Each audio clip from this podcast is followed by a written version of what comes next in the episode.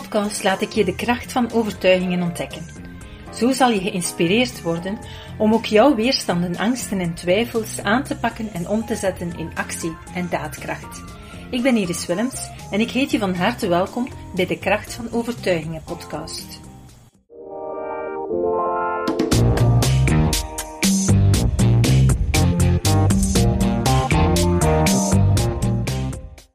In deze podcast gaan we het hebben over twijfelen en niet durven beslissen.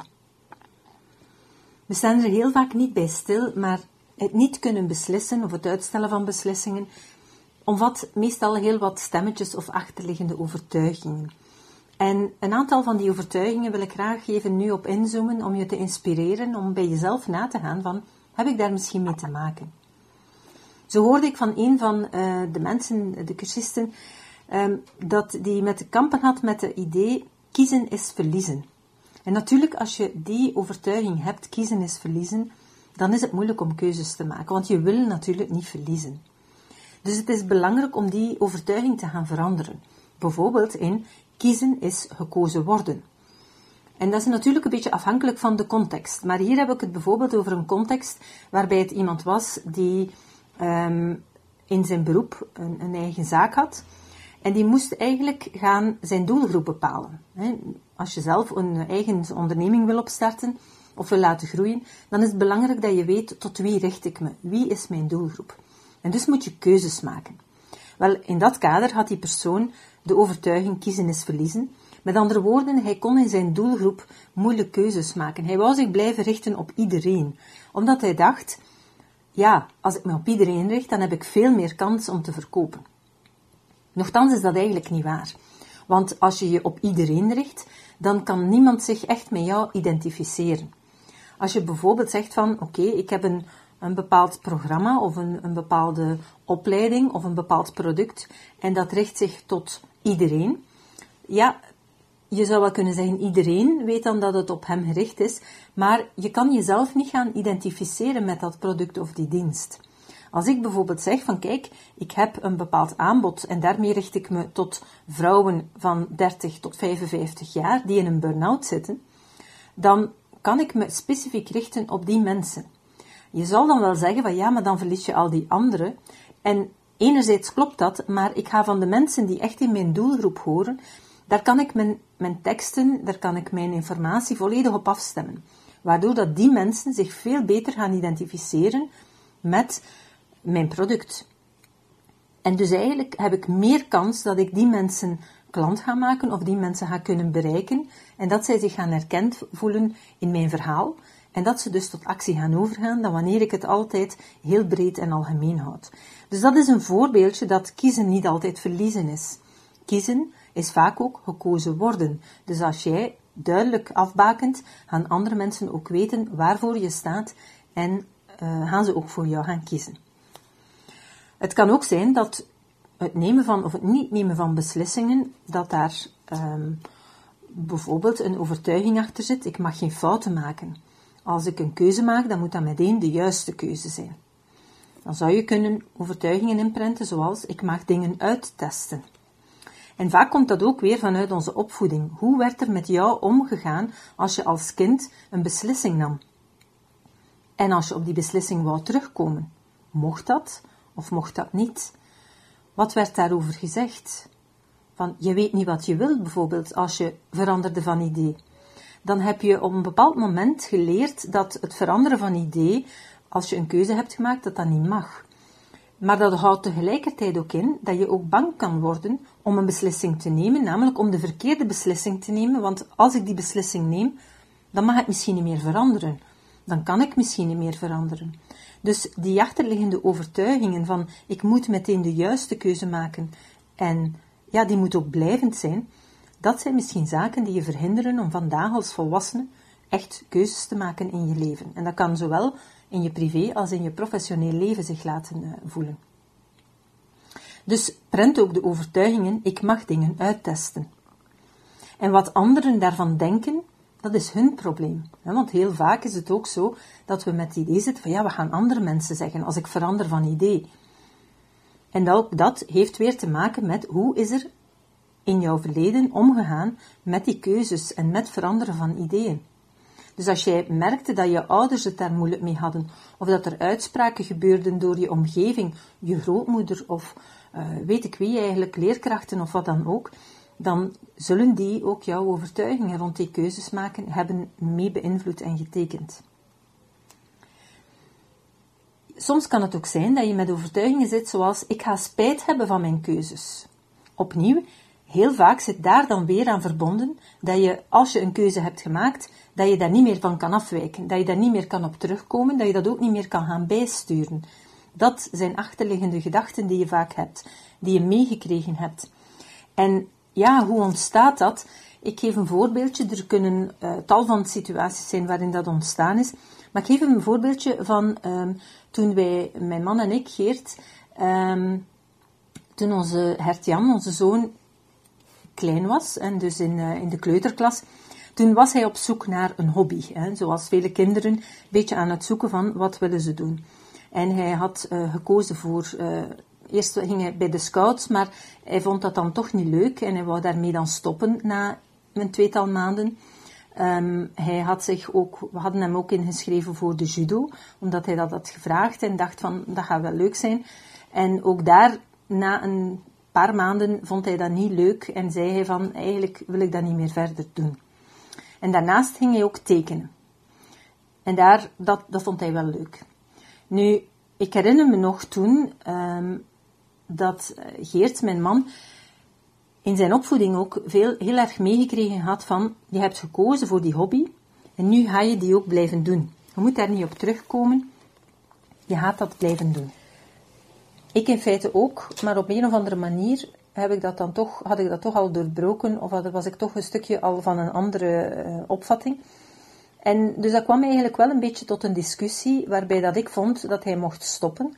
En waarbij Geert vond van nee, hij gaat dat doordoen tot op het einde, want we hebben dat abonnementsgeld nu betaald, we hebben dat lidgeld betaald, dus eigenlijk moet hij dat afwerken tot op het einde.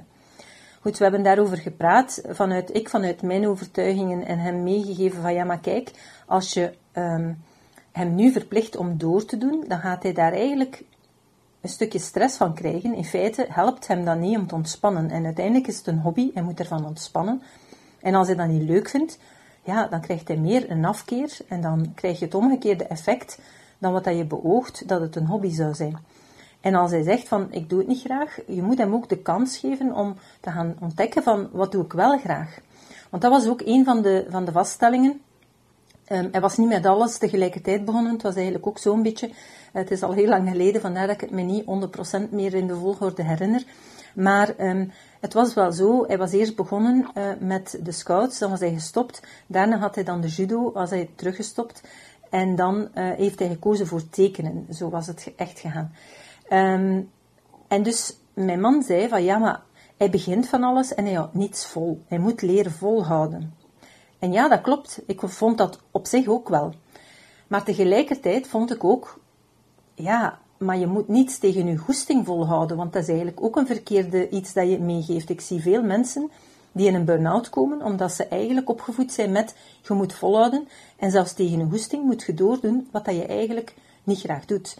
En daardoor ga je inderdaad um, in zware stress komen, chronische stress komen en uiteindelijk in een burn-out komen.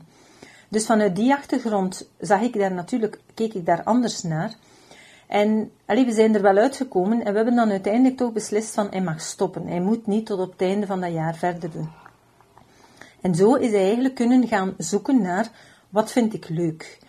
En uiteindelijk, de derde keuze, het tekenen, is iets wat dat hij gans zijn lagere en zijn middelbare school verder gedaan heeft. Dus hij kon wel volhouden, maar alleen was hij nog op zoek naar wat past er nu bij mij. En dat is heel belangrijk om dat te kunnen en te mogen doen als kind. En um, ouders geven dat heel vaak vanuit goede bedoelingen. Uh, proberen we ons kind te laten volhouden. En enerzijds mag het niet te snel opgeven, dat klopt ook. Dat is ook een, een waardevolle overtuiging. Maar je moet de keuze hebben. Je moet in je brein weten van, soms moet ik doorbijten en soms mag ik ook opgeven als ik voel dat het mij niet gelukkig maakt. Dus zo ontstaan overtuigingen. Door op bepaalde momenten te zeggen van kijk, nu, nu denk ik dat je toch wel even moet doorbijten en nog even moet proberen. Maar als je dan werkelijk merkt van het is niet echt mijn ding, om dan ook aan je kind mee te geven van nu mag je wel opgeven en iets anders proberen, want je kan het op voorhand niet allemaal weten. En zo ontstaan dus die overtuigingen. Als jij dus in je, in je brein hebt zitten dat je een keuze, dat je die sowieso moet volhouden en dat je daar nooit van mag afwijken, dan ga je het veel moeilijker hebben om keuzes te maken. Want je bent bang van de verkeerde keuze te maken en dan zit je er voor de rest van je leven aan vast. Dus als je daarmee te maken hebt, dan is het belangrijk dat je ook in je brein gaat inprenten dat je kan en mag terugkomen op een beslissing. Dat je kan en mag een nieuwe keuze maken als die beslissing niet lijkt te zijn wat je had gedacht, of niet lijkt op te leveren wat je had gedacht. Want dus daar tegenover staat heel vaak de overtuiging, blijf bij je keuze. En soms is dat goed. Ik heb in de vorige podcast heb ik ook verteld van, het is en-en. Beide overtuigingen zijn waardevol. De overtuiging, als ik iets doe, dan ga ik volhouden en niet meteen opgeven, is een waardevolle overtuiging. Maar de overtuiging, als iets me tegenvalt en ik hou er echt niet van of het kost me te veel energie of het maakt me ongelukkig, dan mag ik stoppen. Dat is een even waardevolle overtuiging. En die twee, die twee overtuigingen samen, die maken, als die beide in je brein ingeprent zijn, dat je keuzemogelijkheden hebt en dat je dus wel veel gemakkelijker beslissingen kan nemen, omdat je weet van, ik kan op die beslissing ook terugkomen. Nu, iemand anders vertelt me, ja, ik kan soms moeilijk beslissen en dat kan zelfs over ja, absurde of over ja, bepaalde materiële zaken zijn, zoals bijvoorbeeld een auto kiezen. En dan ga ik bij iedereen te raden om te vragen van, ja, wat zou jij doen en wat zou jij doen? En uiteindelijk maak ik dan wel mijn keuze. En eenmaal dat ik de keuze gemaakt heb, ben ik er dan wel blij mee. Maar ik doe er zeer lang over, soms maandenlang, ben ik aan twijfelen over bepaalde keuzes. En dat kost me ook veel energie. Dus ook daar zit eigenlijk een stukje angst achter van de verkeerde keuze te gaan maken. En zelfs in deze situatie, want die persoon zei tegen mij dan van, ja maar Iris, als ik dan kies voor een wagen en ik ben er nadien dan niet tevreden van, ja dan hang ik er wel aan vast. En gedeeltelijk is dat waar. Je zou kunnen zeggen van, ja, je hangt er op zijn minst een aantal jaren aan vast tot wanneer dat je die wagen uh, gaat verkopen. Hè. Sommige mensen kopen al snel een nieuwe wagen, anderen gaan er vijf jaar of tien jaar mee rijden. En dan zit je wel tien jaar aan die wagen vast. Maar ook dat is een overtuiging, want je kan ook gaan zeggen van oké, als die wagen nu echt um, niet mijn ding is en ik heb er echt problemen mee of ik heb uh, er echt geen goed gevoel bij, ook dan kan je beslissen om te zoeken naar een oplossing, om te kijken van, vind ik toch niet iemand die mij nog voldoende waarde geeft voor die auto, zodat ik een andere kan kiezen. Is dat niet haalbaar? Oké, dan moet je dat even accepteren, tot als die jaren voorbij zijn.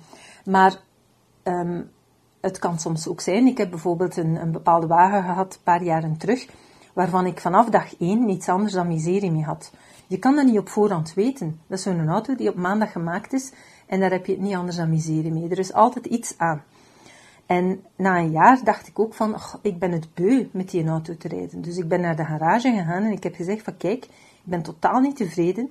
Ik wil dat je mij een voorstel maakt. Ik wil je een nieuwe auto kopen, maar dat je deze overneemt en dat ik daar niet of bijna niet op verlies, dat je mij daar echt een, een, een, bekijkt wat je daarvoor kan doen. Want dat probleem, was een bepaald probleem met de stuurkolom, dat geraakt maar niet opgelost en ik ben totaal niet tevreden. En zij hebben mij een oplossing geboden. Zij hebben mij effectief een andere wagen aangeboden. Um, en, en met een klein verschil heb ik kunnen veranderen van wagen. Maar als je met de overtuiging zit van ik zit met een probleem en ik vind daar geen oplossing voor en nu moet het maar blijven verder doen, dan ga je dat zelfs niet gaan bespreken, dan ga je niet zoeken naar een oplossing. Dus het komt er hem op aan dat je in je brein nieuwe overtuigingen toevoegt, want die nieuwe overtuigingen die bieden nu meer kansen. Die bieden nu de mogelijkheid om anders te gaan reageren en te zoeken naar oplossingen. Dus een van de zaken die ik een heel cruciale vind, ik heb ze in de vorige podcast ook genoemd en ik zal die nog wel meermaals herhalen, want het is een cruciale over heel veel zaken, dat is, ik vind voor alles een oplossing. Als je daarvan overtuigd geraakt dat je voor alles een oplossing vindt, dan zal je die ook vinden. Want dan sta je open. Dan gaat je brein veel meer op zoek naar oplossingen. Dan ga je niet meteen een oplossing die je aangereikt krijgt gaan afbreken. Of gaan zeggen, ja, dat kan niet, of dat is niet mogelijk. Omdat je open staat voor oplossingen. Ehm, en je gaat er ook veel meer naar op zoek als je ervan overtuigd bent dat je die oplossing gaat vinden. En je gaat ook veel gemakkelijker beslissingen nemen, keuzes maken, omdat je ook weet, als ik ooit de verkeerde keuze maak, dan vind ik ook weer daarvoor een oplossing of ik pak dat aan. Wat je ook kan toevoegen is natuurlijk dat je aanvaardt als er iets niet 100% is zoals je had gedacht en dat je niet alles kan op voorhand gaan inschatten als je een beslissing neemt. En dat, ja, dat dat nu eenmaal een onderdeel is. Maar als je niet beslist, dan heb je ook niets, dan bereik je ook niets, dan raak je ook niet vooruit. En krijg je alleen maar veel stress, omdat niet kiezen is constant twijfel en dat is een vorm van stress. Dus je gaat heel veel energie verliezen door het niet kiezen. Dus ik zoek en ik vind steeds een oplossing als een beslissing niet uitdraait zoals ik wil of hoop, is ook een overtuiging die je bij jezelf best zou gaan imprinten. Dat heeft natuurlijk ook zijn impact op bijvoorbeeld beroepskeuzes. Op het wel of niet zelfstandig worden of uw eigen zaak starten.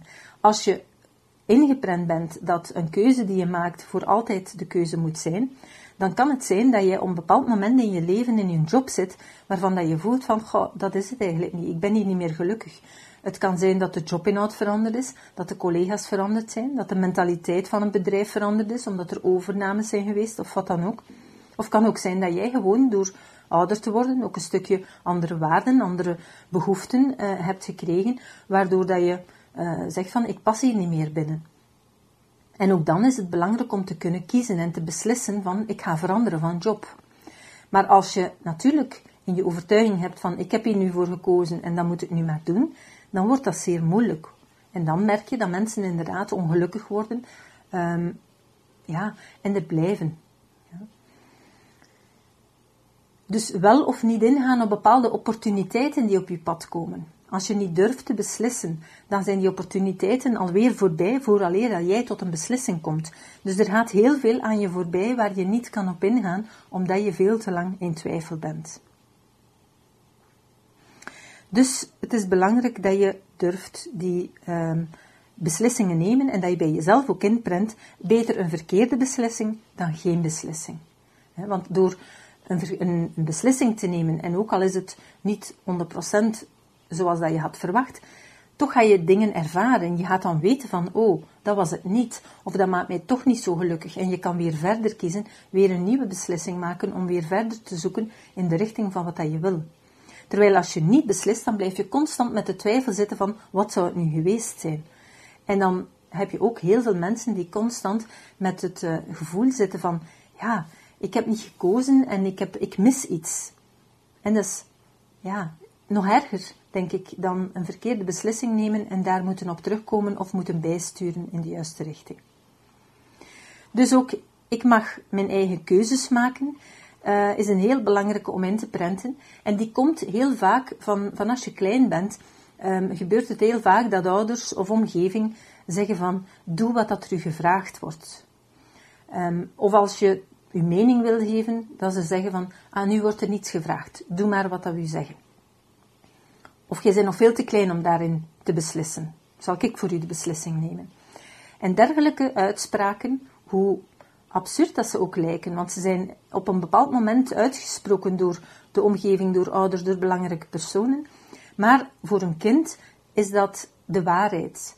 En zij hebben dat gehoord en dat zit, dat zit in uw onderbewustzijn. En zelfs als volwassen persoon blijft dat u drijven. Zeker op momenten van stress. En momenten van stress, dat zijn dus allerlei momenten waarop dat je onder andere je niet 100% goed voelt, of waar dat er te veel tijdsdruk is, of waar dat je voelt van, ik moet hier nu een keuze maken. Dat is ook een vorm van stress op dat moment, van ik moet hier een beslissing nemen. En voor jou zitten er allerlei programma's dat jij niet kan, niet mag beslissen, dat je dat, dat, dat aan anderen moet overlaten. En um, we gaan er nog verder in andere podcasts over hebben, over de aangeleerde hulploosheid. Maar ook dat is eigenlijk zo een, uh, zit vol met overtuigingen die ons van kleins af zijn meegegeven. Waarbij we denken van, ik kan het niet oplossen, ik heb altijd iemand nodig. En dat komt omdat uw ouders of andere mensen, het zijn niet altijd, zeker niet altijd uw ouders, maar belangrijke mensen in uw leven, mensen die veel rondom u hebben vertoefd en waar jij toen als kind wel veel belang aan hechtte, dat zij uitspraken gedaan hebben als jij kan dat nog niet, zal ik dat wel voor u doen. Dus uh, met goede bedoelingen heel vaak, maar toch ja, komt het niet altijd of blijft het niet altijd met dat effect uh, over. Dus prent ook in, het is veilig om beslissingen te nemen. Dat is zeker ook een, uh, een belangrijke overtuiging. Dus ik vat ze nog even samen. Ik heb een tiental overtuigingen opgenoemd die je zou kunnen inprenten. Kiezen is gekozen worden. Ik mag dingen uittesten. Wat anderen ervan denken is hun probleem. Ik kan en mag altijd op een beslissing terugkomen. Ik mag experimenteren. Ik vind voor alles een oplossing. Ik zoek en ik vind steeds een oplossing als een beslissing niet uitdraait zoals ik wil of hoop. Beter een verkeerde beslissing dan geen beslissing. Ik mag mijn eigen keuzes maken. Het is veilig om een beslissing te nemen. Ik hoop dat je hiermee aan de slag gaat. Dus voor de mensen die weten hoe ze een overtuiging in het onderbewustzijn kunnen inprenten, ga ermee aan de slag. Voor degenen die dat nog niet zouden weten, daar raad ik je aan om op de pagina prana.be schuine streep overtuigingen je even je naam en je e-mail te registreren. En dan nodig ik je uit voor een gratis webinar waarin ik alle stappen vertel die je nodig hebt om overtuigingen aan te pakken. Want enkel een overtuiging bij jezelf zeggen en herhalen um, zorgt er niet voor dat het in je onderbewustzijn terechtkomt. Het blijft bij een weten en het is niet omdat je iets weet dat je het ook gaat doen en dat je er ook naar gaat leven of dat je ernaar gaat handelen. Het is eigenlijk zo dat het is pas als het ingeprent is in je onderbewustzijn dat je spontaan die gedachten gaat krijgen. Zoals je nu de beperkende gedachten krijgt, spontaan, en vooral wanneer je in stress bent of onder druk staat of wanneer je hè, in moeilijke omstandigheden bent, dan komen die stemmetjes vanzelf naar boven. Maar spijtig genoeg zijn het vaak de verkeerde stemmetjes. De bedoeling is dat door nieuwe stemmetjes in te prenten, dat je vanzelf die nieuwe stemmetjes ook in je hoofd krijgt in moeilijke omstandigheden, zodanig dat je op dat moment veel beter en efficiënter kan gaan reageren um, en kan gaan ingrijpen. Ik hoop dat ik je heb kunnen inspireren en ik kijk alvast uit naar de volgende aflevering om jullie terug te mogen verwelkomen. Dag! Super tof dat je hebt geluisterd naar de Prana Mental Excellence podcast. Ik hoop dat je het waardevol vond en dat je er inzichten uit hebt kunnen halen voor jezelf en voor je eigen business. Vond je het een waardevolle podcast, dan zouden we het heel erg waarderen als je dit zou willen delen. Enerzijds door dit te delen via je eigen Instagram of LinkedIn. Maar wat we nog meer zouden waarderen als je tijd en moeite zou willen nemen om ons een review achter te laten.